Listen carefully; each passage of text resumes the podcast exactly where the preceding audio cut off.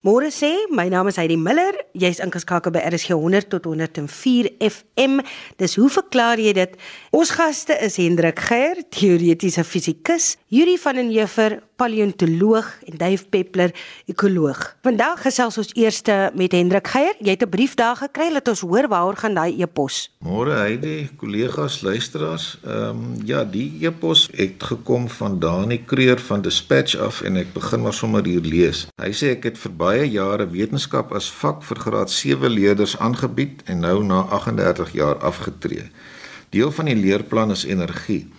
Ek moes die wet van die behoud van energie aan hulle verduidelik, naamlik dat energie nie geskep kan word of nie vernietig kan word nie, maar net van een vorm na 'n ander vorm oorgedra kan word. Ek moet erken dat ek nooit hierdie beginsel met oortuiging kon verduidelik nie. En dan gaan hy voort om nou twee voorbeelde te skets van waar die ding vir hom lastig begin raak. Dani, ek weet nou nie of ons vir oggend moet hoop dat jou oud leerlinge juis luister of juis nie luister nadat jy nou so gebieg het nie, maar kom ons probeer sin maak uit die hele storie. As 'n mens in meganika met sogenaamde konservatiewe kragte werk, met ander woorde waar die som van die kinetiese energie, dit wil sê die bewegingsenergie en die potensiële energie konstant is, dan is dit eintlik maklik om te bewys dat energie net van kinetiese energie na potensiële energie omgesit kan word en andersom. Die lastigheid is as 'n mens werk met situasies waar jy sogenaamde nie konservatiewe kragte het soos wrywing, want dan begin daar dinge ter sprake kom soos wrywingsenergie of hitte Uh, jy het hier 'n voorbeeld waar jy verwys na chemiese energie en inderdaad is dit moeilik om die eenvoudige prentjie van waar jy balle op en af gooi of rollers teen skuinsvlakke laat uh, op en af rol uh, en daardie analise doen om om die algemene situasie daarmee in verband te bring en te versoen. So wat 'n mens moet sê is jy kry verskillende gesigspunte na gelang van hoe jy die situasie bekyk. Wat ek daarmee bedoel is as jy op 'n makroskopiese wyse kyk, dan moet jy om die wet van die behoud van energie te formuleer en te analiseer, moet jy nuwe konsepte begin invoer soos hitte en ander forme van energie uh, chemiese energie. Aan die ander kant as jy 'n mikroskopiese analise doen, dan is al daardie oënskynlik nuwe tipes energie almal manifestasies van kinetiese en potensiële energie op die mikroskopiese vlak. So weet ons dat hitte is eintlik niks anders as die beweging van in die geval van lug lugmolekules nie. So dis die kinetiese energie van die lugmolekules wat uiteindelik vergestel as hitte wanneer ons dit makroskopies waarneem.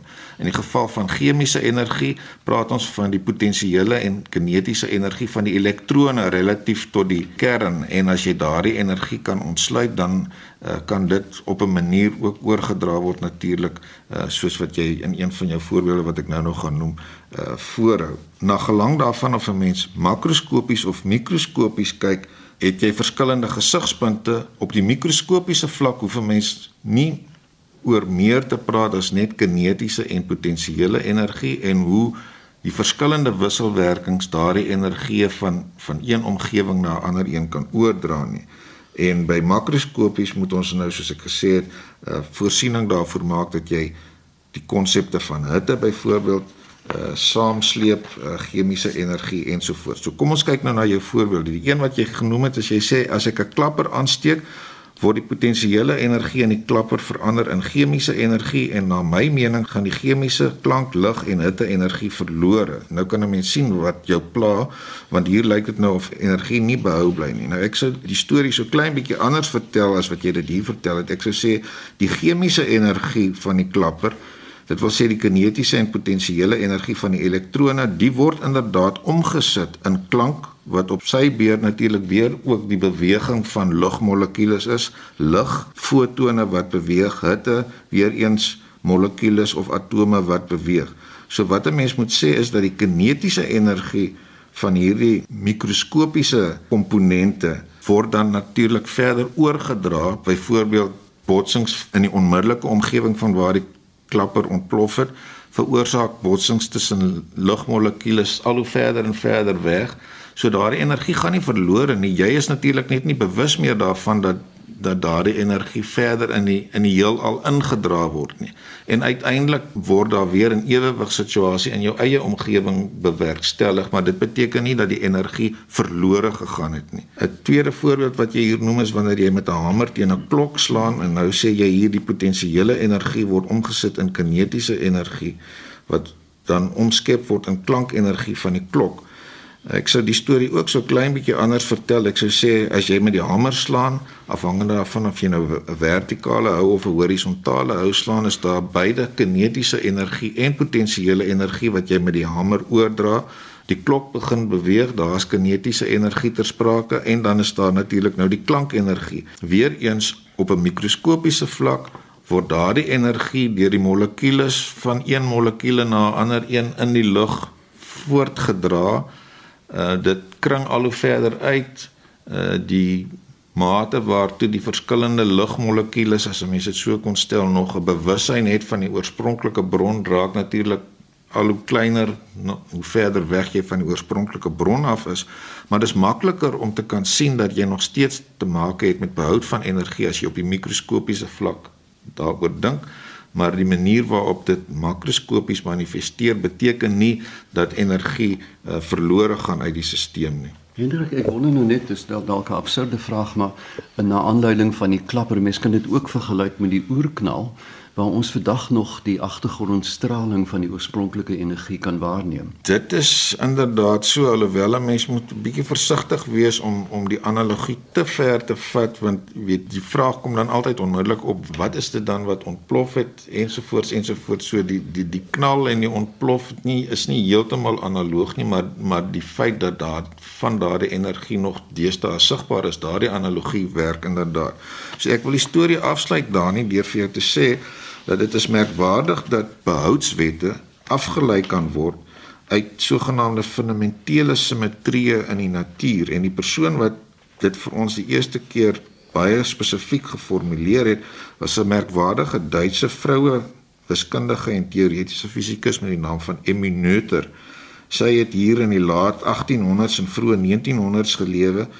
Uh het 'n doktorsgraad in Erlangen verwerf, het vir 4 jaar lank daar klas gegee sonder betaling. Dit was die dae toe vroue nie in aanmerking gekom het vir akademiese posisies nie. Later het van die beroemde wiskundiges in Göttingen haar onder hulle vlerk geneem en mettertyd het sy uh, al hoe meer erkenning vir haar werk gekry. Sy het vrae gevra oor die mate waartoe fisika beïnvloed word deur verskillende dinge te verander. Byvoorbeeld die posisie waarvandaan jy 'n meting maak of byvoorbeeld die tydstip waarop jy 'n 'n meting maak. En wat sy kon wys is dat die feit dat die fisika oënskynlik nie afhang daarvan of jy in byvoorbeeld as jy na Newton se wette kyk of jy die wetmatigheid sê maar hier op hierdie tafel ondersoek vergeleke met 'n tafel daar aan die ander kant of op enige ander plek in die heelal nie.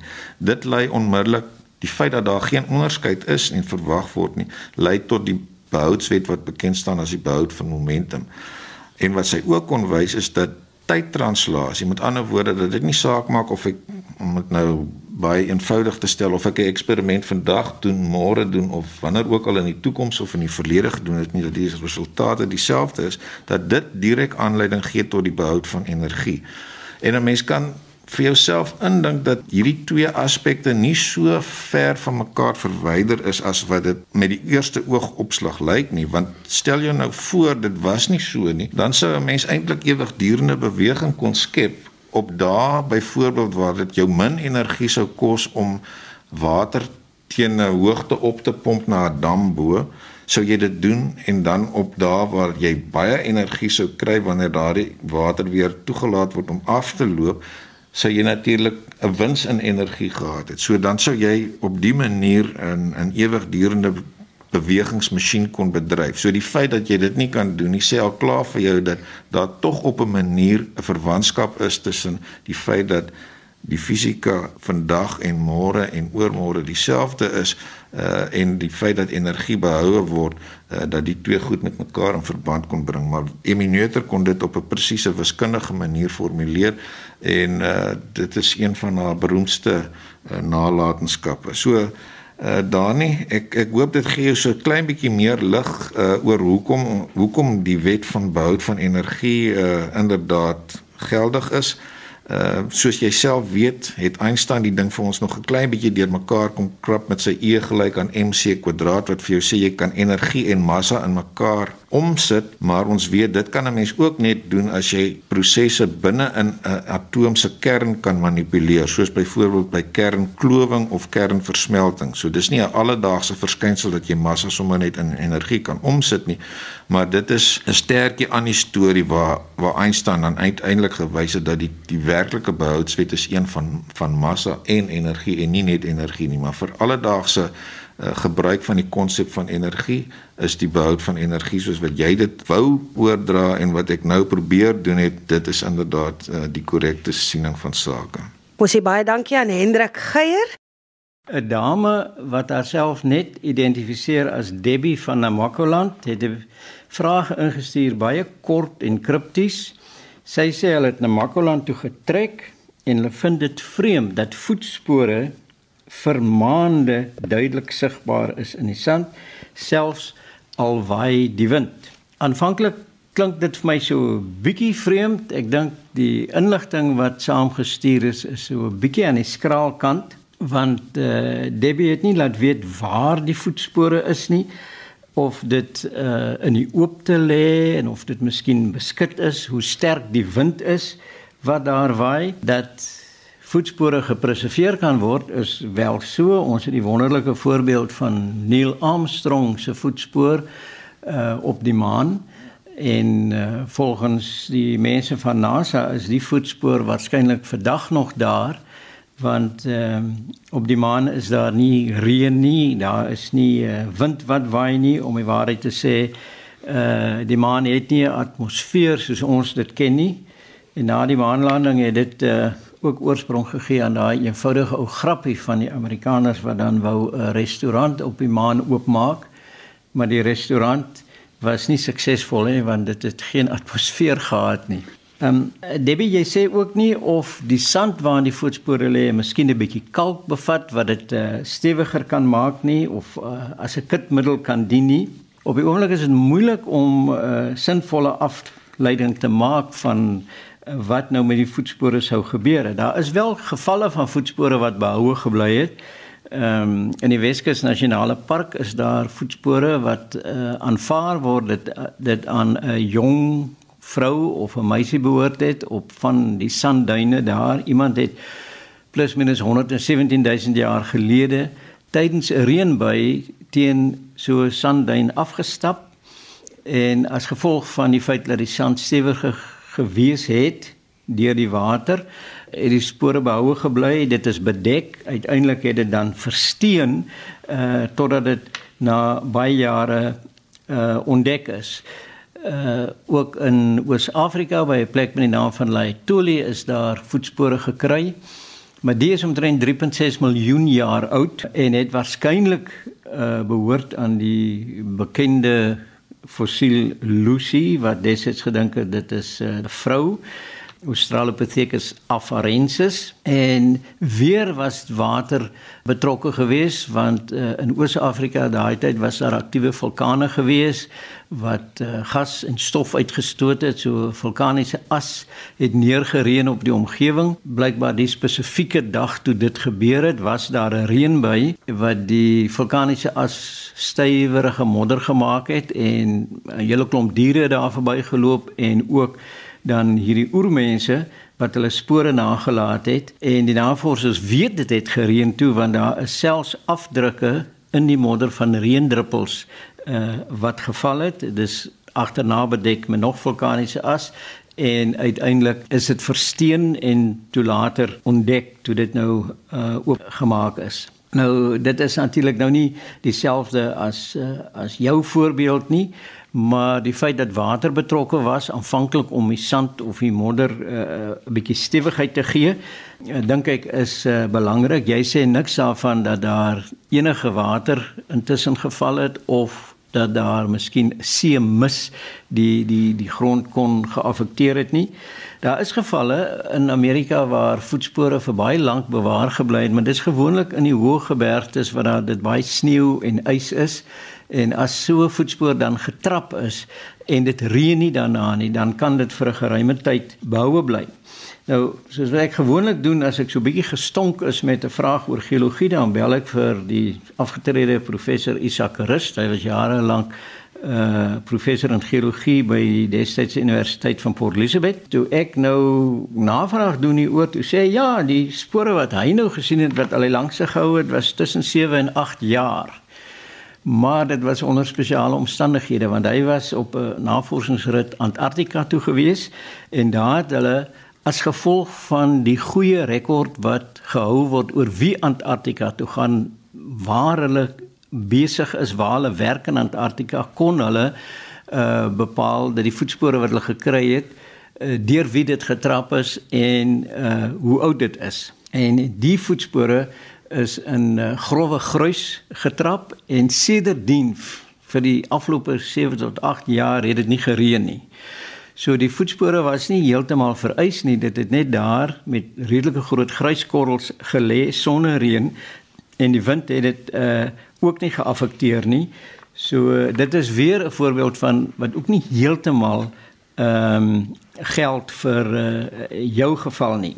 Hy dink ook dat as 'n mens sou weet hoe hoe groot die sandkorrels is want dit sal waarskynlik dan 'n uh, invloed hê op die wind uh, of die wind die sandkorrels gaan wegwaai of nie. Mense moet weet hoe gereeld of hoe sterk die wind waai. Is die voetspore miskien teen die helling van een of ander duin of of 'n gebied wat dit 'n bietjie beskerm is dat dit nie so groot invloed kan hê nie.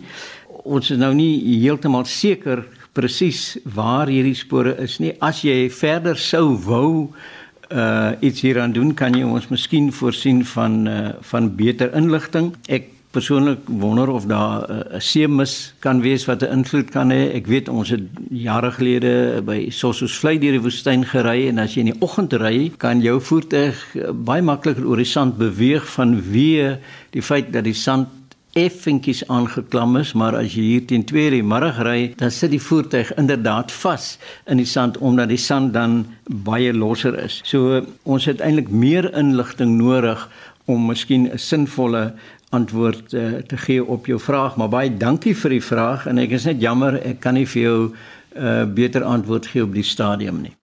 Yuri, baie dankie. Ons gesels nou met Dave. Dave, jy sê dis 'n baie mooi vraag wat jy gekry het. Heidi en kollegas, luisteraars, ja, ek het um, van ene Lisa 'n uh, e-pos ontvang. Sy sê ek het onlangs die mooiste foto gesien van 'n grasuiltjie in die Agulhas Nasionale Park. Hoekom is hulle so mooi? En hoekom hoor of sien mense so min van hierdie pragtige skepseltjie? Dis so mooi. Na my ouma het ook altyd van skepsels gepraat. Ek dink uh, die eenvoudige vraag uh, is my een van die moeilikste vrae om te antwoord van hoekom is iets vir ons mooi? Ehm um, maar kom ons kyk dan net in die algemeen na die uile. Ons is in Suid-Afrika baie gelukkig om 12 spesies uile te hê waarvan die bekendstes natuurlik ehm um, die gevlekte ooruil is wat byna by elke plaas in Suid-Afrika voorkom en ons kan net hulle vlugtig besoek en luister hoe hulle klink. Hier is die gevlekte ooruil.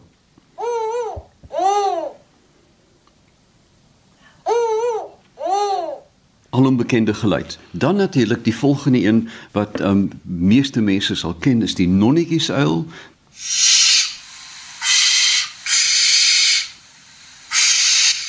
Enige luisteraar wat al in die Galagadi Park rondgery het, sal ook natuurlik die reuse ooruil ken. Daai een met die pink ooglede, dit lyk na 'n vreemde uh, diskoteekagtige uil wat vir jou uh, uit 'n doringboom kyk met pink ooglede en onder die doringboom lê dan natuurlik die die reste van krimpvarkies uh, by die hoope en so klink die reuse ooruil.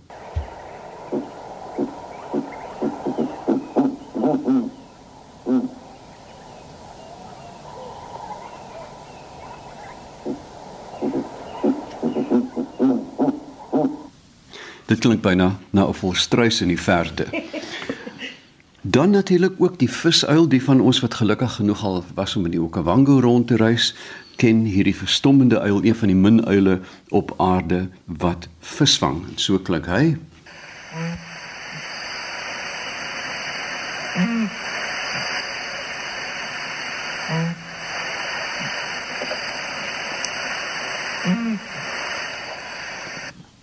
Dan die witkooluil, die mense wat hou van kampeer in die bosveld, sal jy altyd die witkooluiltjie by jou hê, kroomgeel oë en die pragtige gevlekte veertjies.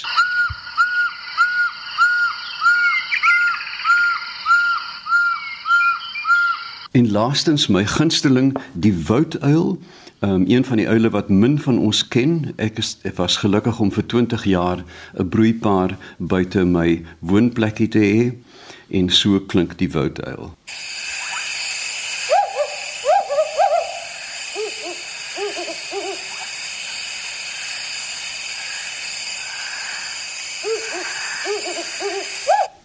Dit was 'n duet tussen 'n mannetjie en 'n wyfie. Nou, ehm um, die die uile behoort almal aan die groep uh, Strigiformes. Daar's 200 spesies in die wêreld en hulle is hoofsaaklik alleenlopend. Hulle kom net bymekaar as daar uh, gepaard moet word en kleintjies gevoer moet word en hulle bestaan is nagtelik. Hulle is uh, met met enkele uitsonderingsdiere van die nag. Hulle het almal 'n regophouding. Uile sit altyd penoorent. Ehm um, 'n groot en breë kop Hulle visie is binokulêr. Hulle kyk met al twee oë na voor en hulle gehoor uh, is baie sterk stereofonies ingestel. Nou uh die die verskil in die aankoms van klank by by 'n stereofoniese oor is in die orde van 30 miljoenste van 'n sekonde. So die prosesseringsvermoë van enige brein om dit te kan prosesseer en dan direk te kyk na die bron is nogals verstommend. Hulle het almal baie skerp kloue en grouwe kussings aan die aan die voet om die prooi vas te vas te vat.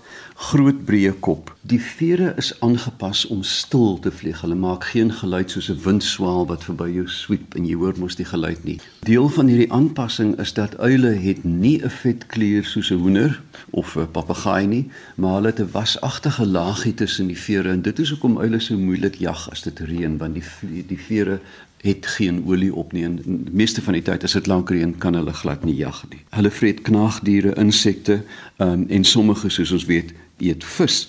Daar's eintlik net twee groot families, die ware uile, die Strigidae um, of die Strigiformes en dan die Tylonidae, die nonnetjies uile. Almal het groot oë wat na vore kyk, um, 'n um, roofvoël snabel. Gewoonlik is daar ook 'n tand aan die boonste kaak um, 'n sogenaamde tomiale tand, tandvormige struktuur en dit is um, ontwikkel om tussen die nekwervels van van die prooi in te gaan en so die prooi te verlam. Hulle het filopluime, almal van hulle het hierdie vreemde hareagtige uh, veertjies wat om die uh, gewoonlik om die die snavel vorm. Mens sien dit by naguiltjies ook. En dit is tasorgane wat uh, indien dit baie donker is, die posisie van die prooi binne die bek kan bepaal. Die kop kan ontsaglik goed roteer teen omtrent 270 grade en daar is 'n interessante omgekeerde seksuele dimorfisme by die roofvoëls in die algemeen is die mannetjie manlike diere gewoonlik 'n derde kleiner as die wyfie. Dis waar die valkoniersterm teersel vandaan kom. Maar by die uile is dit gewoonlik andersom waar die manlike diere heelwat groter is. Die vere is uitmuntend aangepas om geen geluid te maak as hulle vlieg nie. Die frekwensiegenerasie van die vere is ook so aangepas dat dit nie hoër as 2 kHz is nie en dit is die klanke wat die prooi sal kan hoor. So as 'n uil maksimaal vlieg en en, en sy vlerke klap, is die frekwensie onderdruk as gevolg van die vorm van die vere. Um agter die ore verdig die vere ook om so reflektors te vorm om klank dan byna soos 'n um 'n paraboliese reflektor in die oorkanaal te konsentreer. Hulle het verstommende goeie oë. Ons weet dat uile goed sien in die nag. Ehm um, daar is 'n verdigting van van stafies en kegels bekend as die fovea waar lig dan gekonsentreer word. En ek vermoed dat uile vir, vir die van ons wat dit mooi is, mooi is as gevolg van die groot oë wat heel moontlik dalk wysheid kan aandui. Dis interessant dat dat meeste klein diere uh, se oogverhouding Uh die groot ooggrootte verhouding ten opsigte van die skedel is heelwat groter en dit is wat mense sê ai fooi tog kyk hoe mooi. Jy weet die rop met die groot oë.